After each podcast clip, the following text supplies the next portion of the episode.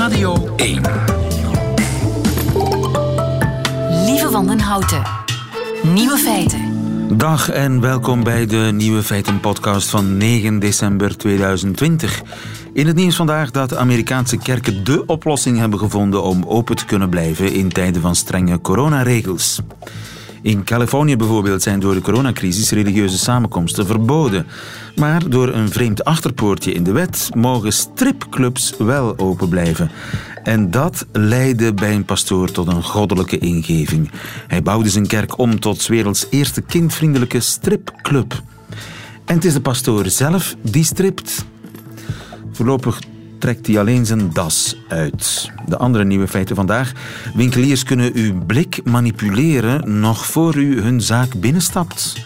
Nederlandse chirurgen waarschuwen voor avocadoletsels. Een Duits adres intikken op Street View heeft weinig zin. En twee kandidaten spelen de nieuwe feiten woensdag quiz. De nieuwe feiten van Christine of Katrien Zwartenbroeks hoort u in haar middagjournaal. Veel plezier. Nieuwe feiten.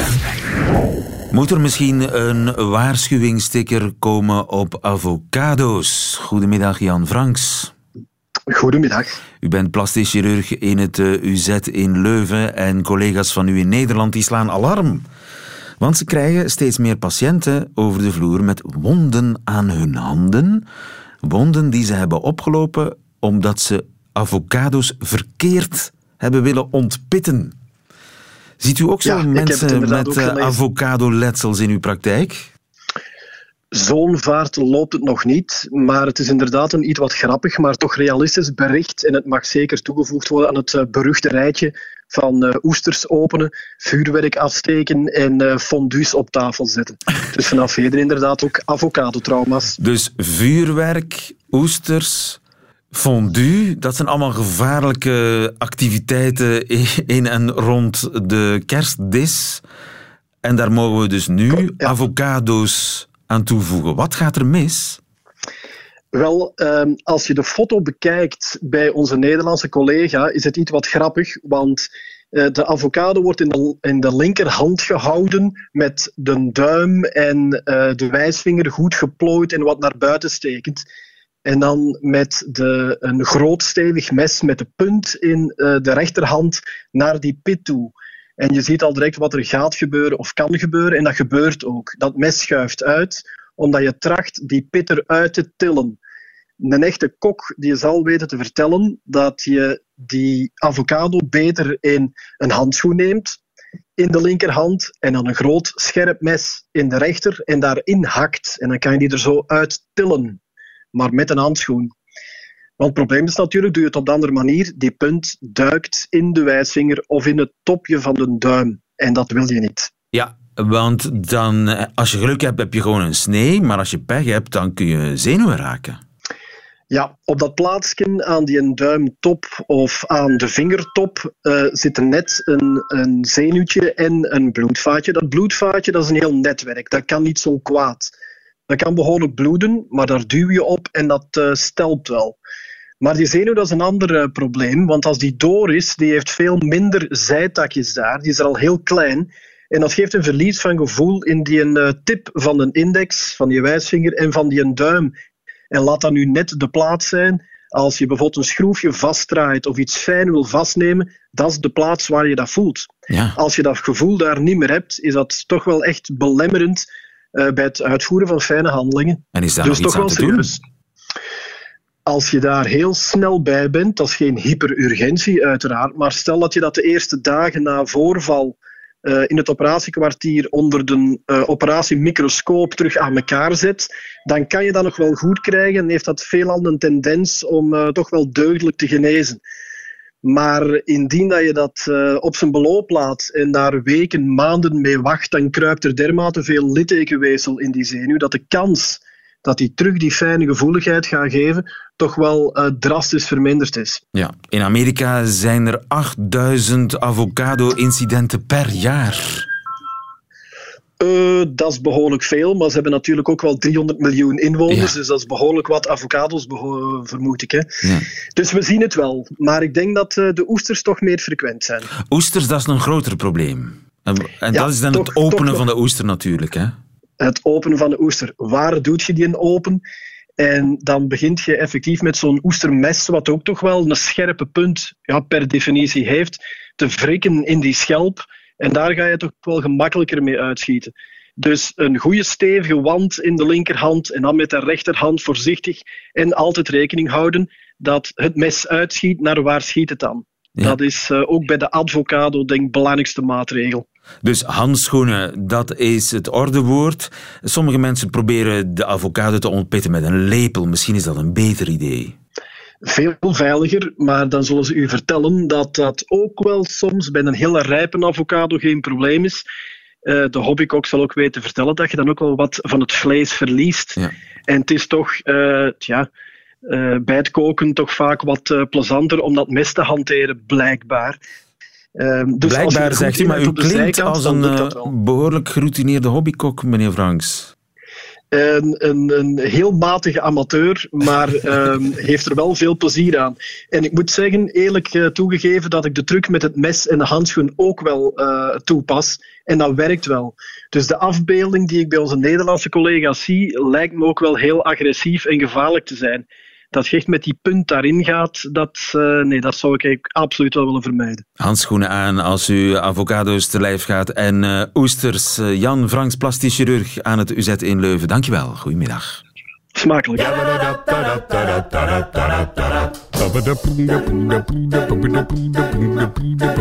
Nieuwe feiten. Ja, naar de IKEA gaan voor een fluitketel en thuiskomen met een fluitketel, maar ook met drie schemerlampen, een schaapsvel, een heel betaalbaar, prachtig design tapijtje, een reistas, nieuwe lakens en een poef. Het is u waarschijnlijk ook al overkomen. Mij in ieder geval wel. Winkeliers die beheersen de kunst van het verleiden tot in de puntjes. Ze richten uw blik op iets waarvan u nog niet wist dat u het wou hebben. Dat uh, kennen we, maar nu is in Duitsland geprobeerd om de manier waarop klanten kijken te manipuleren nog voor ze de winkel binnenstappen. Luc Warlop, goedemiddag. Goedemiddag. U werkt uh, voor de Norwegian Business School in uh, Noorwegen.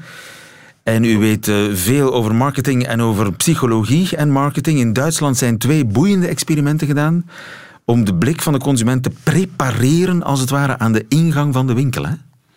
Ja, dat klopt. Um, wel, wat ze, ze gebruiken een soort subtiele manier, of, of, min of meer subtiele manier, door mensen op een, uh, op een schermpje ofwel naar het midden te laten kijken, ofwel hun aandacht te laten verspreiden over de randen van het scherm, of, of wat er op de, zij, op de zijkanten van het scherm gebeurt.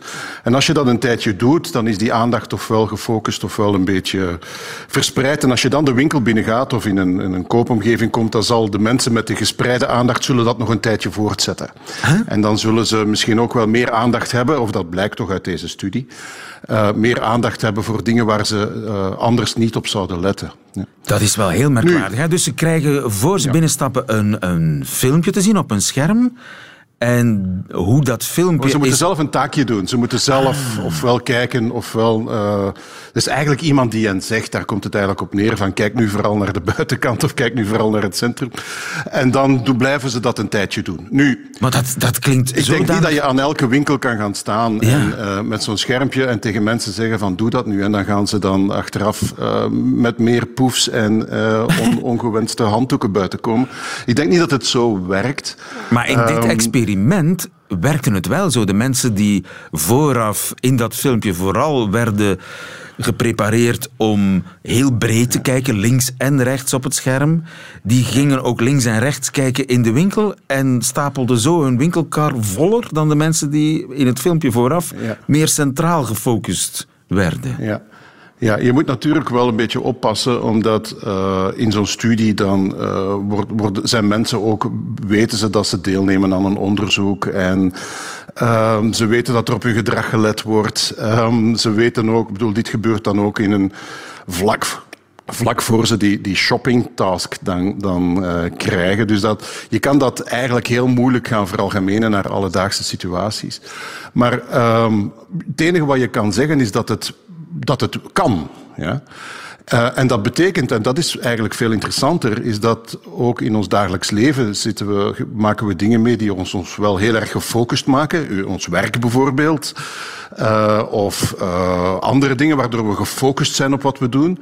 En op andere momenten van de dag of van het jaar zijn we misschien minder gefocust en meer uh, willen we graag dingen ontdekken. En als je, als, je, als je dat soort ervaringen net hebt gehad, dan zal je daarna in de winkel wellicht ook ofwel meer gefocust ofwel meer hmm. breed denkend zijn. Dus kom je net uit, uh, uit een museum waar je heel verrast bent door allerlei dingen die je, je, rondom jou zag, dan zal je dat misschien in de winkel onmiddellijk daarna ook blijven doen. Je blijft in museummodus zitten. Ja, zoiets. Of dierentuinmodus, uh, ontdekkingsmodus. Ja, ja. Vandaar als je op reis bent bijvoorbeeld... kan veranderen van moment tot moment. Dat is interessant. Als je op reis bent bijvoorbeeld, heb je de neiging om dingen te kopen. Je komt er dan mee thuis en denk je... Bijvoorbeeld. en toeristen komen vaak ook met dingen thuis die ze, heb ik dat gekocht? die ze niet bedoeld hadden. Ja? ja, ja. En dat heeft misschien voor een stukje te maken met die meer vrije exploratieve uh, mindset die men dan heeft. Ja. ja, dus dat is wel... Uh, dat vind ik wel interessant. Een belangrijke dus tip als u niet al te veel geld wil uitgeven of als u niet al te veel met spullen wil thuiskomen die u eigenlijk niet nodig heeft, dan moet je... Misschien helpt het al om je daar al bewust van te zijn. Ja, en, en een boodschappenlijstje waar je op gefocust bent.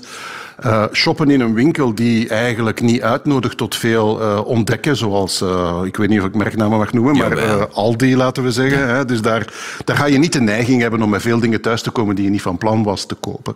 Terwijl in andere winkelomgevingen, shoppingcenters of zelfs sommige supermarkten, die zijn er natuurlijk veel meer op gericht om je impulsaankopen te laten doen. En die zorgen er wel voor dat je aandacht wat gespreid wordt. Die hebben entertainment in de, in de ruimten of die hebben een, een, een aangenamer omgeving die uitnodigt tot rondkijken. Nu, dan blijf je ook rondkijken. Uh, en dat zal je in de Aldi minder doen. Dus sommige winkels richten zich ook op de gefocuste shopper en andere op de meer exploratieve shopper. En beiden hebben natuurlijk hun, hun markt, hè. beiden hebben hun bestaansreden. Ja, ik zal eraan denken als ik uh, inkopen doe. Bedankt voor de tip, Luc Warlop. Goedemiddag. Graag gedaan. Dag.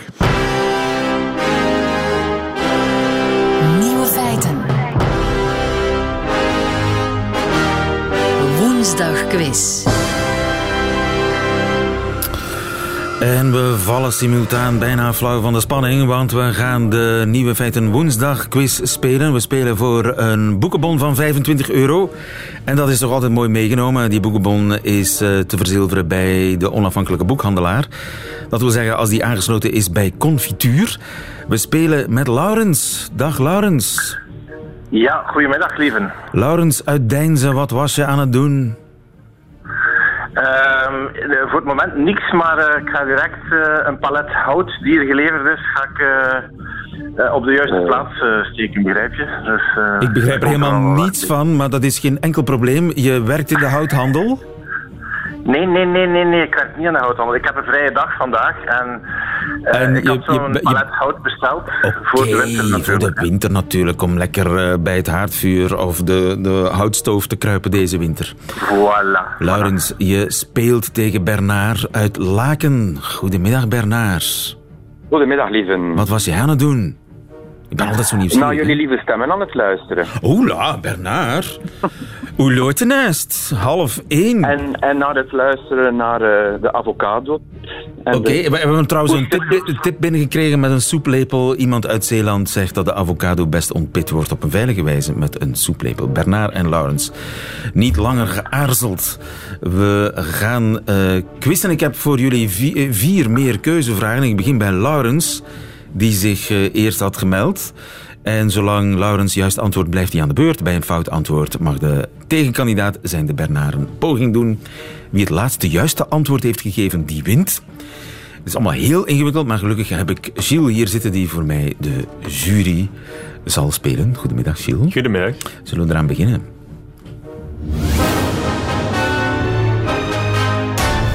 We beginnen dus met Laurens, die als eerste quiz had gestuurd. Laurens, Volgens enkele Britse wetenschappers kan je met een kleine aanpassing je CO2-uitstoot aanzienlijk verminderen. Wat raden ze aan, die Britse wetenschappers? Je gras 's ochtends maaien, dan is het koeler en stijgen minder uitlaatgassen van je grasmachine naar hogere luchtlagen. B. Stoppen met video's in high definition te bekijken. Video's in high definition verbruiken namelijk meer energie. En als we dat allemaal niet zouden doen, zou dat een hele hoop schelen CO2-uitstoot. C. Gooi je elektrische tandenborstel weg, want die verbruikt tijdens een half jaar meer energie dan het kost om 12 wegwerptandenborstels te maken. A, B of C, Laurens? Prr, het zal nog ook worden. Ik ga voor B. Je gaat voor B. Dat is helemaal goed. Dat begint goed, Laurens. Ja. Ik blijf bij jou. Vraag 2. IKEA's over de hele wereld verkopen dezelfde meubels, maar wat kan je alleen maar in één specifieke IKEA in Japan kopen? A. Een zetel die biept wanneer iemand er chips of drank op morst. Lijkt me heel handig. B. Een douche die na 10 minuten ijskoud water geeft om waterverspilling tegen te gaan. Lijkt me heel erg Japans. C. 10 soorten vegetarische hotdogs. Laurens. Ja, ehm hokje C. Dat is helemaal goed. Bernard gaat het nog. Ja. Je tegenkandidaat eh, gokt zich een, eh, een soort successtrip door deze woensdagquiz. Voorlopig wel. Voorlopig. Maar, vraag 3. Zoom-gesprekken zijn we allemaal kotsbeu. Maar de CEO van Zoom heeft een nieuwe snuf bedacht om het zoomen weer spannend te maken. Welke snuf? Welk snufje? A. Bij Zoom-gesprekken kan je de geur van koffie oproepen om het gesprek een huiselijke sfeer te geven. B. Kan het geluid van gezellige plekken zoals Parijse terrasjes instellen als achtergrondgeluid? C. Zoom gaat Netflix integreren zodat je een filmavond op afstand kunt organiseren. A, B of C, Laurens? Ehm, meest plausibele lijkt mij B. Fout. De beurt gaat naar Bernard. Bon, ik denk het laatste, Netflix. Ai, ai, ai, ai, ai, bij Zoom-gesprekken. De CEO zou het tijdens een yoga-sessie hebben gekregen dat idee. De nodige technologie moet wel nog ontwikkeld worden. Maar als alles goed gaat, kun je binnenkort de geur van koffie oproepen tijdens Zoom-gesprekken. Geen van beide kandidaten heeft het goed gegokt. Dus ik ga terug naar onze eerste kandidaat, Laurens. Ja. Voor de make-or-break vraag. Vraag 4. Door de pandemie is er één product dat opvallend veel negatieve kritiek krijgt op internet. Negatieve recensies krijgen bepaalde producten sinds de pandemie, sinds corona. Welke producten? A. Pepermuntjes. Want mensen willen hun geld terug, omdat er niemand meer is om hun frisse adem te ruiken. B. Joggingbroeken. Want die worden nu zo lang aan één stuk doorgedragen dat mensen erachter komen dat die dingen eigenlijk helemaal niet lang meegaan. Dat worden joggingvodden in plaats van joggingbroeken. C. Geurkaarsen. Want ex-coronapatiënten die hun reukzin verloren hebben, denken dat ze opgelicht zijn. A, B of C, Laurens? Ik twijfel tussen B en C, maar... eh, ehm, Oké, ik ga voor... eh, voor B. Fout. Maakt het extra spannend. Ik ga naar Bernard. Bernard, wat denk je? Mon dieu. Oh, Bernard, mon dieu. Mon dieu. Quelle horreur. Euh, quelle horreur. Vous le dites bien. euh, eh ben, moi, je vais pour les, les bougies. Les bougies, mais c'est très bien, les bougies. Dat is helemaal goed. Bernard, je leek eh, de, op af te stevenen op een, eh, een, een nederlaag, maar het tegendeel is waar.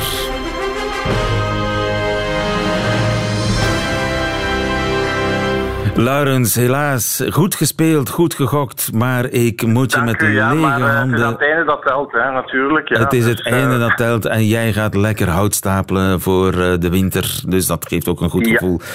Dank voor het meespelen, Laurens uit Deinze. En Bernard Willaert uit Laken, gefeliciteerd met je 25 euro boekenbon. Heb je al één idee, heb je al een boek in gedachten dat je graag zou willen hebben, Bernard?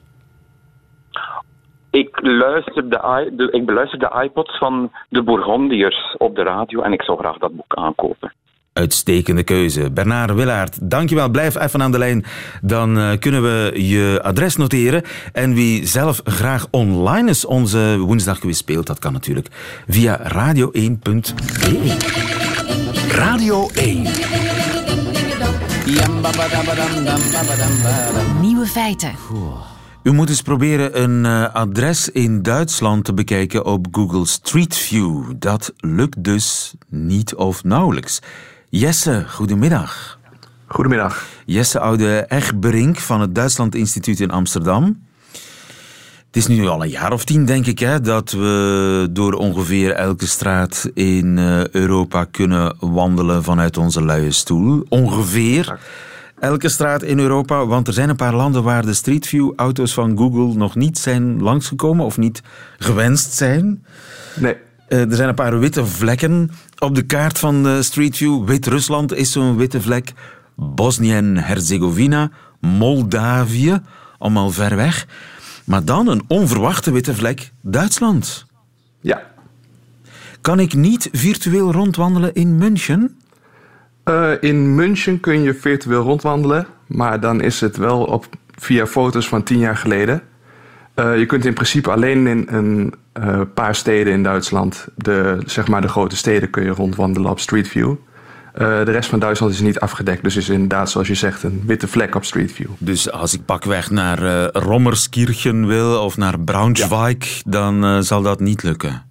Gaat dat niet lukken? Blurmany wordt het wel eens genoemd, hè? Blurmany Ja. in plaats van Germany. Klopt, dat was de bijnaam inderdaad in de tijd. En hoe is dat zo gekomen? Nou ja, dat begint inderdaad ongeveer tien jaar geleden. ehm, begint eh, eh, Google met het uitrollen van het Street View netwerk in Europa. En waar dat in België en Nederland eigenlijk zonder slag of stoot gaat, eh, komt er in Duitsland eigenlijk heel veel ophef. Mensen zien dat toch in Duitsland dan als een inbreuk op hun privacy. Dat er een auto met camera's door de straat rijdt en overal foto's van maakt. En het argument was van, ehm, nou ja, dan kan in principe iedereen over de hele wereld zien wat voor auto er bij mij op de oprit staat. Ja. Iedereen kan zien wat voor gordijnen ik voor heb hangen, et cetera. En er kwamen dus echt protesten, niet alleen van groepen, maar ook van individuen. Mensen die in hun Ja. eentje een zaak begonnen. Ja, een vrouw die inderdaad, omdat ze vond dat de camera te hoog was en over haar heen kon kijken, die spande een rechtszaak aan, inderdaad, tegen Google. Die rechtszaak heeft ze overigens verloren, maar het geeft wel aan hoe het eh, sentiment was. En hebben we daar een verklaring voor, voor dat sentiment bij een groot deel van de Duitsers? Nou ja, die, het, het is wel grappig, want het is inderdaad bij individuen, maar ook vanuit de eh, eh, politiek, zeg maar, was het eigenlijk heel veel weerstand, veel meer dan in andere landen. En eh, ik geloof dat de, de minister die er toen de tijd over ging, die noemde Street View erger dan alle geheime diensten ter wereld. Maar de verklaring waar vaak op wordt verwezen is, eh, want het is eigenlijk wel uniek Du- Duits, die privacygevoeligheid. Het eh, verleden wat eh, Duitsland heeft, dus een geschiedenis onder, nou ja, eigenlijk twee dictaturen. Eerst de nazi's en daarna de DDR. Waarin inbreuk op privacy natuurlijk eh, aan de orde van de dag waren. Oh ja, en dus die met name die gevoeligheid, zou die groter zijn in eh, Oost-Duitsland dan in West-Duitsland? Eh, dat is eh, zo 1, 2, 3 niet te zeggen, maar dat, is, dat, dat, dat kan ik me heel goed voorstellen. Omdat die mensen natuurlijk, de, de, de Stasi is er natuurlijk berucht om hun spionage, eh, manieren van spionage. Dus eerst de Gestapo en dan de Stasi. Ja, En dan En komt Google. Google, Street View aankloppen, dan denken ze nein danken. ja, exact. Daar staan ze niet op te wachten. En zal dat nu zo blijven? Want ja, eh, inmiddels kun je wel naar München en Berlijn eh, surfen voor Street View, maar krijg je daar het München en Berlijn te zien van tien jaar geleden?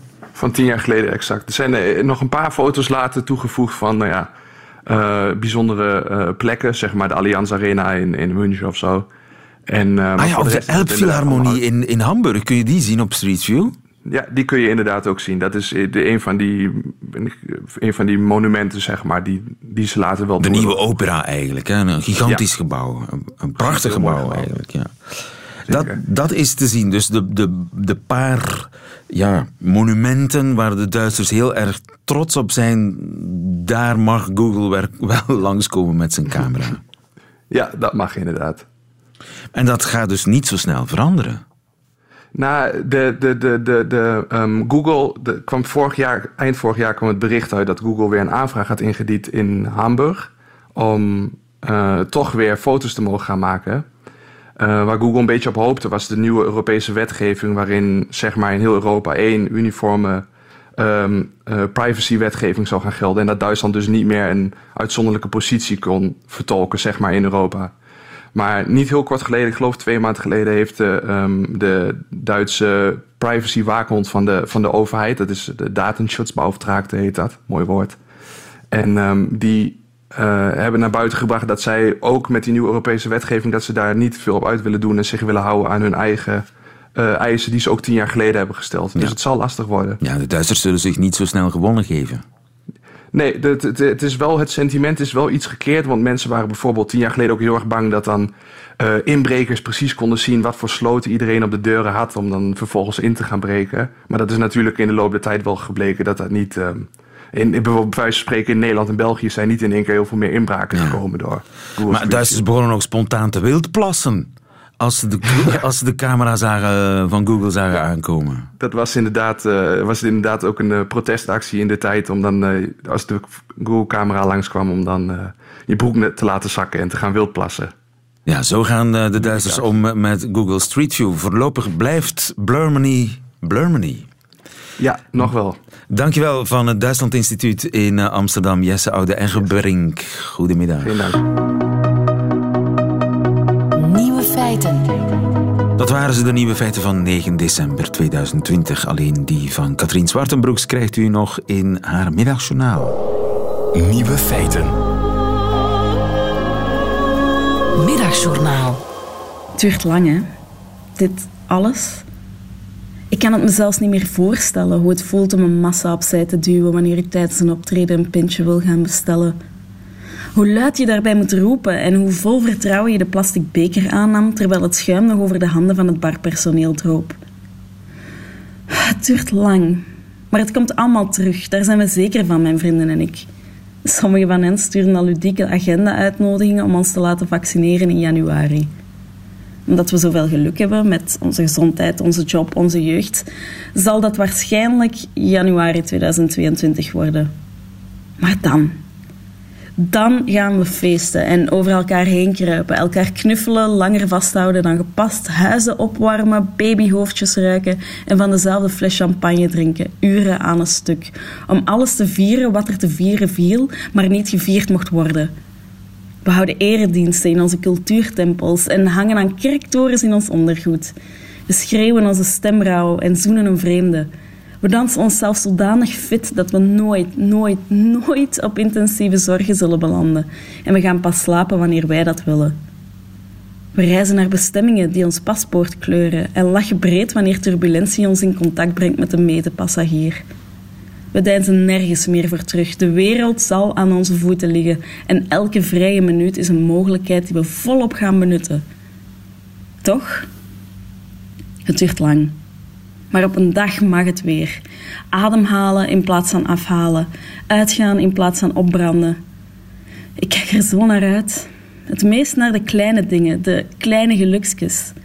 Hoe ik na een lange rotdag niet zal weten wat ik moet aandoen om met een vriendin van vroeger iets te gaan drinken in een café waarvan ik niet zeker weet of de rode wijn er überhaupt te drinken valt.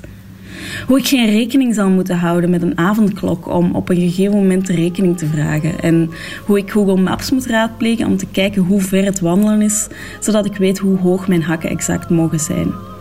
En hoe ik dan, wanneer ik mijn gsm neem, een sms'je van die vriendin zie. hey, vanavond gaat toch niet lukken, vrees ik. Morgen een nieuwe datum afspreken? Hoe ik mijn BH zal loshaken, mijn joggingpak zal aantrekken en voor Netflix zal ploffen om een hele avond binnen te zitten. Met het gevoel alsof ik onverwacht de lotto gewonnen heb. Duurt lang. Nog even.